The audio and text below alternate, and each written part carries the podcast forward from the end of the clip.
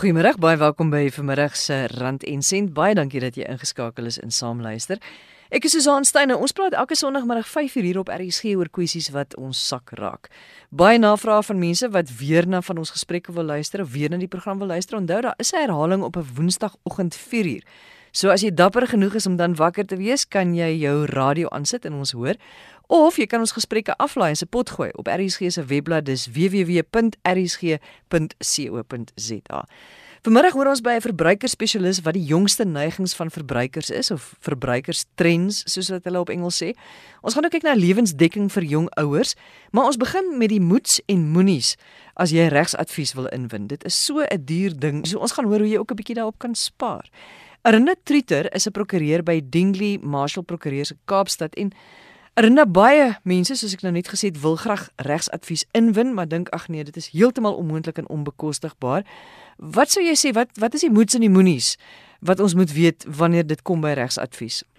Dit is waar wat jy sê, daar's daar's baie mense wat voel dat regshulp totaal en al onbekostigbaar is. En tot 'n mate is dit waar, want prokureurs kan duur wees, maar daar is definitief maniere wat jy regshulp kan inwin sonder jouself in finansiële moeilikheid te dompel. Die moenies wat ek sou sê vir mense wat dit oorweeg om regshulp in te wil, is moenie die eerste beste prokureur wat jy op Google vind na toe gaan nie. Soos ons weet, is daar bitter baie verskillende prokureurs en dit is nodig dat jy window shop as dit by prokureurs kom. 'n Prokureur lewer 'n diens op die einde van die dag en net soos enige ander diens, gaan jy nie die eerste een kies wat jy kry nie. So doen jou navorsing voor die tyd want elke prokureur se tariewe verskil. Nie om te sê jy moet die goedkoopste een kies nie want natuurlik weet ons die goedkoopste beteken nie altyd die beste nie, net soos wat die duurste nie altyd die beste is nie. Maar as twee prokureurs dieselfde standaard diens lewer en die een is goedkoper as die ander, dan is dit jou antwoord. So doen jou huiswerk, gaan kyk na die prokureur se webtuiste, hulle Facebookblad, Google resensies. Dit sal jou 'n goeie idee gee van die gehalte diens wat jy kan verwag. En veral Facebook en Google resensies skep gewoonlik 'n meer geheel prentjie omdat jy die nare dinge eerder daar sal sien as op die prokureur se webwerf. Dan sal ek ook sê wat wat mense nie moet doen nie, is as jy na 'n prokureur toe gaan, sê nou jy het nou 'n probleem en jy gaan nou na die prokureur toe vir die eerste keer Moenie verleë of skaam voel as jy daar voor die prokureur sit nie. Jy moet vir daai prokureur alles vertel van die begin af als wat jy het. Selfs al dink jy die inligting wat jy het is irrelevant of die dokument wat jy voor jou het is onnodig, eerder te veel as te min. Want as jy nie die inligting alles deurgee nie, kan die prokureur nie vir die regte advies gee nie. En dit kan later jou saak laat uitmekaar val oor iets wat jy vroeër moes genoem het. So dit gaan jou baie tyd en geld kos om die saak later reg te stel as wat jy dit net van die begin af goed kon gedoen het deur al die inligting deur te gee. Ek weet dit is maar 'n natuurlike ding vir mense om skaam of verleë te voel oor jou probleme, maar as jy daar voor jou prokureur sit, moet jy weet dat niks wat jy daar sê ooit vir enigiemand anders gesê kan word nie en jy kan vry voel om dit heeltemal in totaal met hulle te bespreek. Arne, dit is nogal vir my interessant want ek wonder baie keer of mense ook baie eerlik is met prokureurs want ek dink dikwels wil jy graag jou saak gewen hê, so jy gee vir jou prokureur jou kant van die saak. En jy's dalk nie altyd 100% eerlik of so voor die hand liggend met al die feite wat jy deel nie. Dit is nogal 'n groot probleem want nou sit jy as prokureur met met die feite wat jy by jou kliënt gekry het voor jou en jy gaan aan met die saak gebaseer op dit wat jy het. Later in die saak dan kom daar ander feite in wat jou kliënt nie met jou gedeel het nie en dit gooi die hele appelkar om.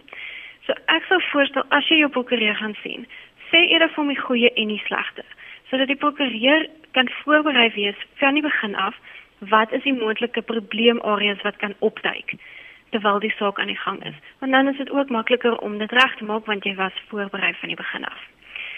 'n Ander interessante ding wat mense dalk nie weet nie, is dat prokureurs net soos dokters in verskillende velde spesialiseer. So as jy 'n spesialis moet gaan sien, gaan dit natuurlik duurder wees, net soos as jy 'n spesialis dokter gaan sien. Maar alledaagse regsprobleme of advies het nie altyd 'n spesialis nodig nie. Jy kan na 'n algemene prokureur toe gaan. Soos byvoorbeeld as ek 'n algemene probleem het van iemand wat my geld skuld, dan gaan ek nie nou iemand gaan sien wat kopiereg registreer nie want dit is 'n spesialistveld en hulle doen nie die algemene prokureurswerk op 'n gewone basis nie. So jy gaan natuurlik baie meer betaal vir 'n spesialiste opinie as 'n algemene prokureursopinie. Rena, net jy vir ons wenke as mense nou regsadvies wil inwin of hulle wil graag na 'n prokureur toe gaan, wat 'n mens darm 'n bietjie goedkoper kan wegkom. Ja, beslis. Vir al die een wat die mense nie van weet nie, is die hof van klein eise. Die hof vir klein eise hanteer alle siviele eise onder R15000. So dis die kleiner sake. Maar dis 'n vinnige en 'n bekostigbare en 'n een eenvoudige manier om jou eis te veg sonder dat jy eens enigsins 'n prokureur hoef te gebruik. Jy kan ook as jy wil met die regsassistent of die klerke by die klein eisehof gaan praat en hulle sal vir jou verniet regsadvies gee as jy na die hof vir klein eise wil gaan. Ongelukkig die teenkant daarvan is dat maatskappye nie die klein eisehof kan gebruik nie en die klein eisehof hoor ook nie kriminele sake aan nie. Maar vir enige ander eise wat jy het onder R15000 gaan na jou naaste klein eisehof toe. Hulle stap jou deur die hele proses en jy kan dit doen heeltemal sonder 'n prokureur. Die ander opsie natuurlik is die Regshulpraad van Suid-Afrika. Hulle bied gratis regshulp aan vir mense wat minder as 5500 na belasting per maand verdien.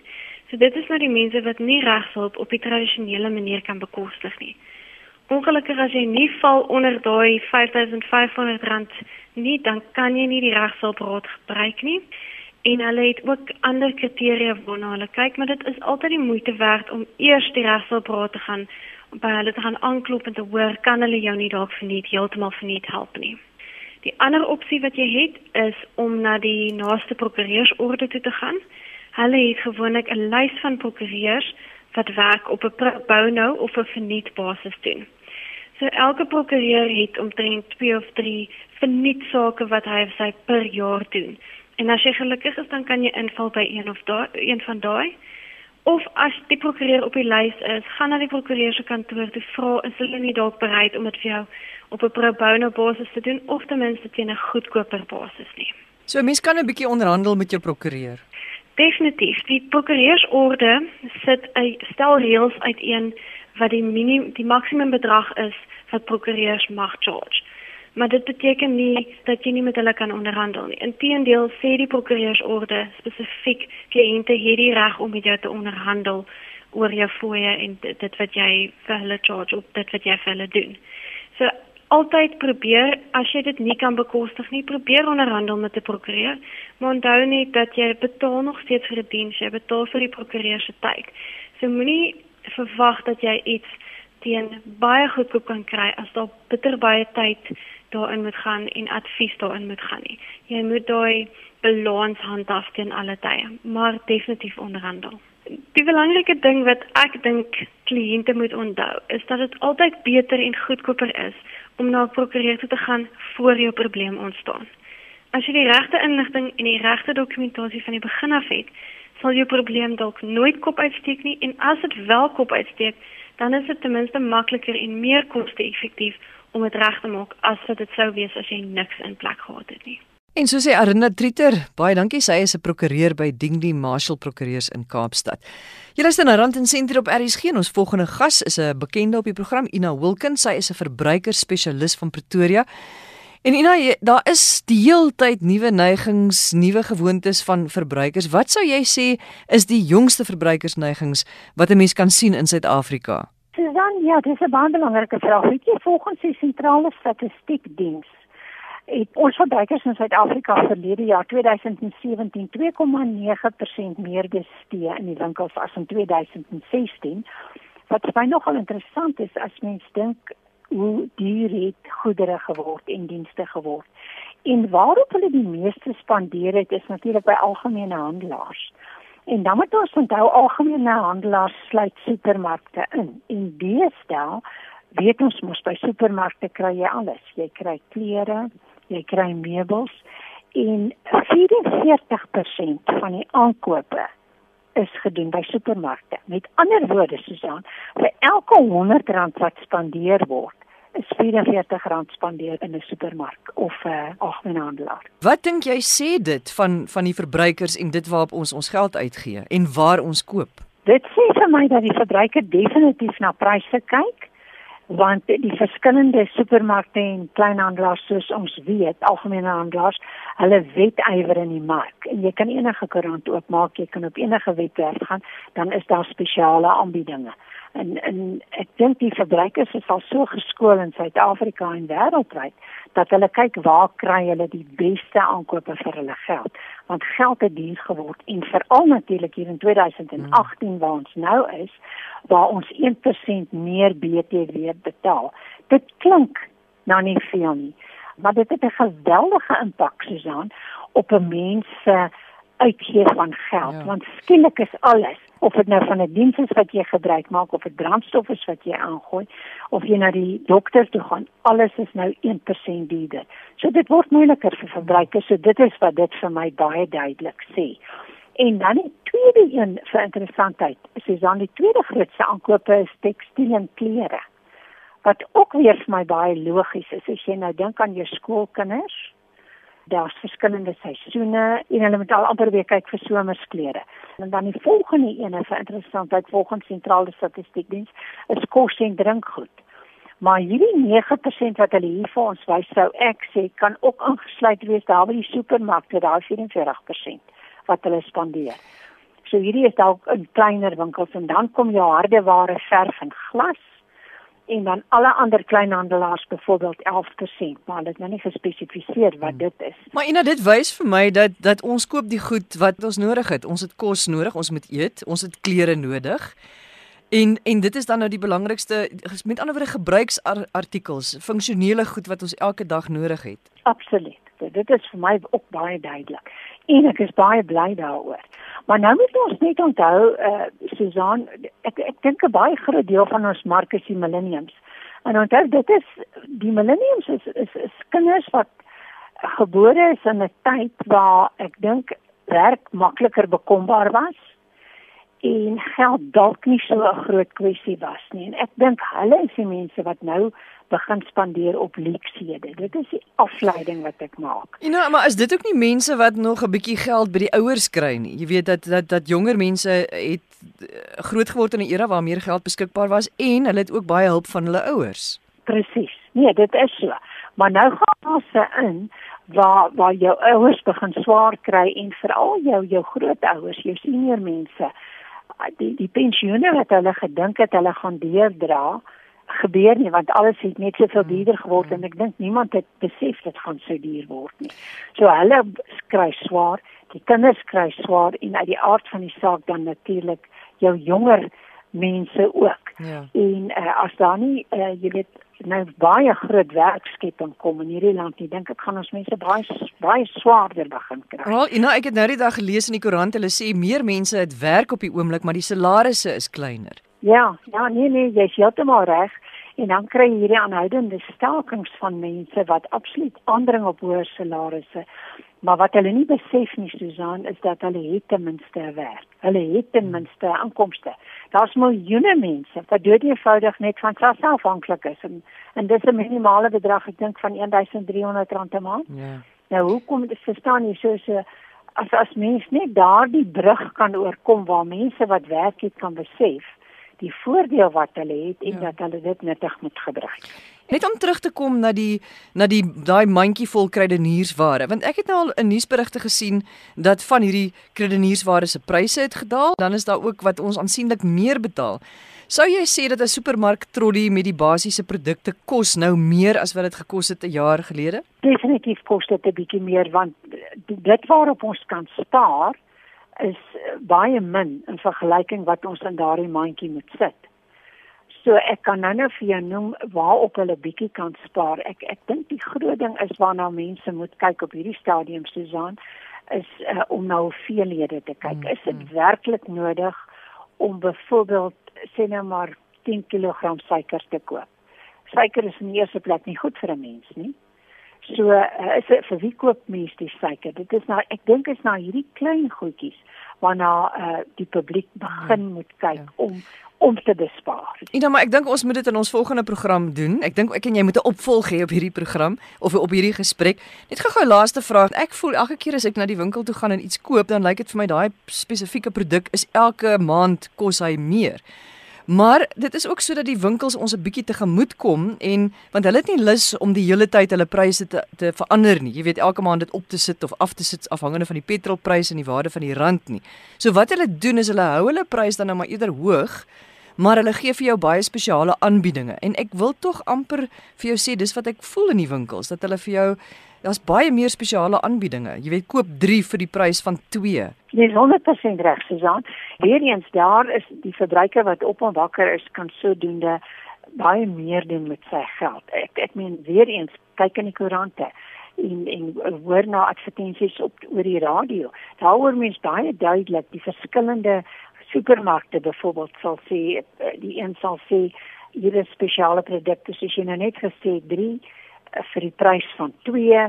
Dit is baie belangrik dat verbruikers daarna luister, maar ek wat jy nou gesê het is ook baie waar Susan en dit is nie vir 'n 'n klein handelaar moeilik om pryse op te sit nie. My bekommernis is en ek praat nog al die jare daaroor, is wanneer jou brandstofprys daal, daal geen produk se prys nie. Ja, ja.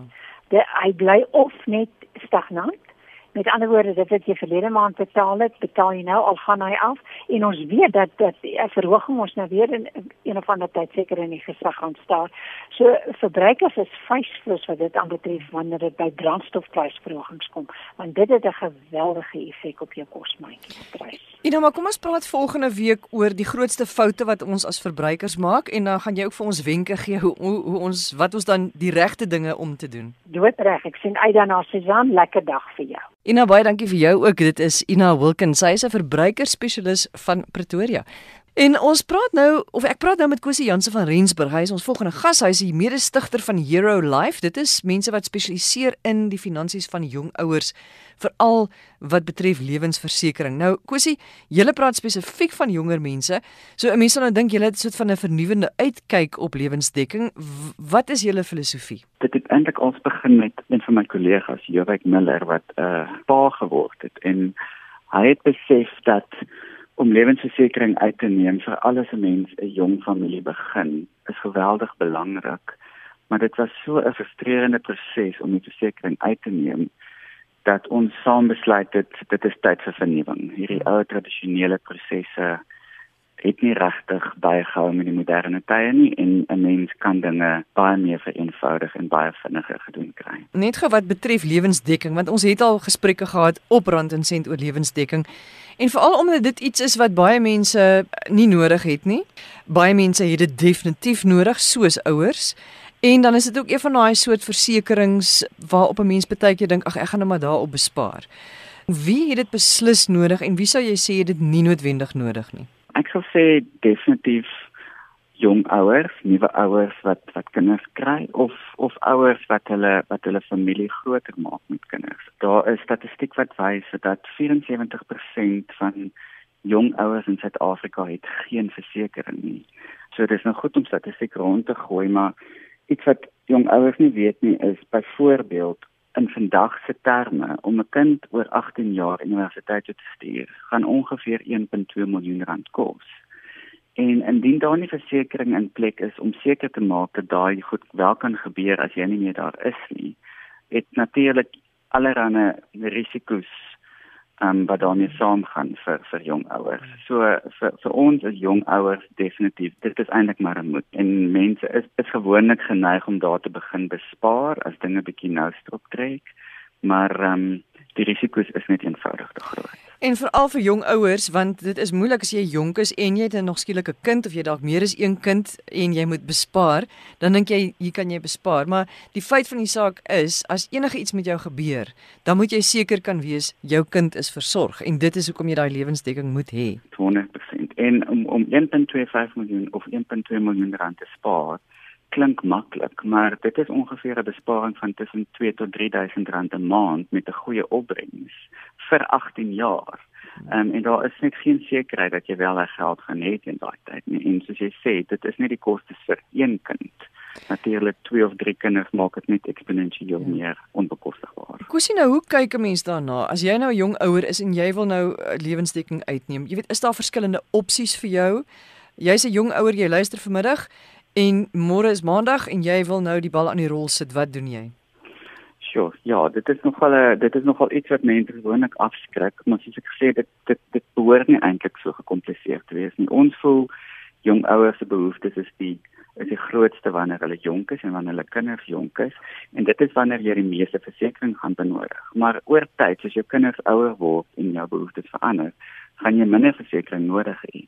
Ongelukkig word daar in die mark gewoonlik 'n verskillike groot versekering aan jou voorgestel en jy moet dit uitneem en daai versekering groei elke jaar en voordat jy weet as jy 60 is, het jy ongelooflik baie lewensversekering wat ons voel nie nodig is nie.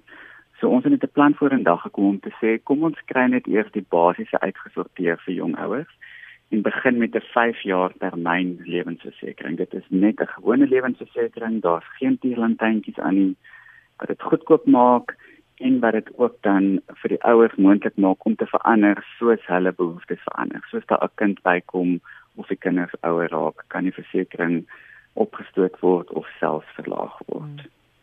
En as jy nou praat van lewensdekking saam met ongeskiktheidsdekking, sou jy ook sê 'n mens moet die twee verkieslik apart hou. Want jy kry mos ongeskiktheidsdekking saam ja. met gevreesde siektes en ja, ek is nie 100% seker ja, nie hoe werk dit. Ja, dit so lewensdekking en ongeskiktheidsdekking hoef nie noodwendig saam te gaan nie, want die behoeftes of die behoeftes wat die twee aanvoorsien is bietjie anders. Ongeskiktheidsdekking is meer daar vir indien iets met jouself oorkom wat beteken jy kan nie meer regtig um, gaan werk nie. So jy kan nie meer inkomste genereer nie.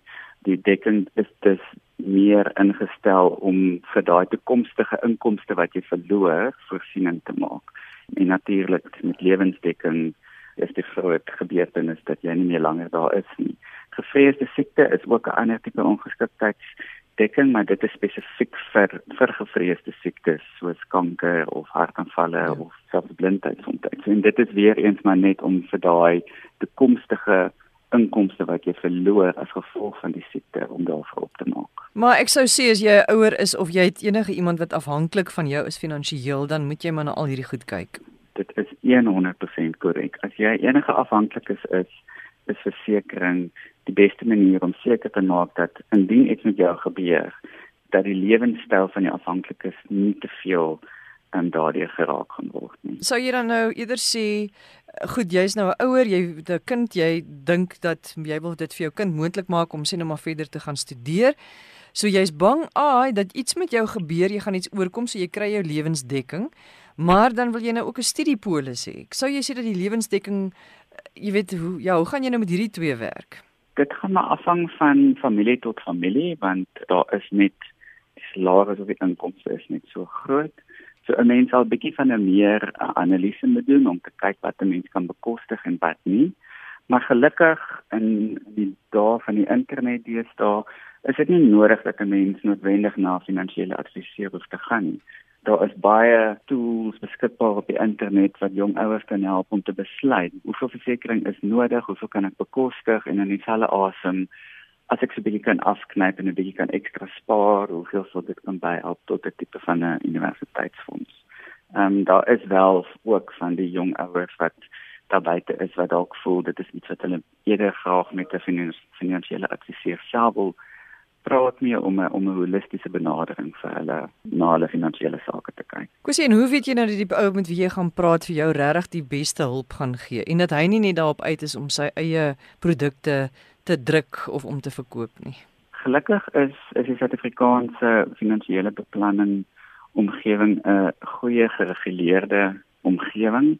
As daar enige twyfel is oor die persoon se akkreditasie, daar is 'n uh, instansie met die naam van die SPE, staan vir Financial Planning Institute.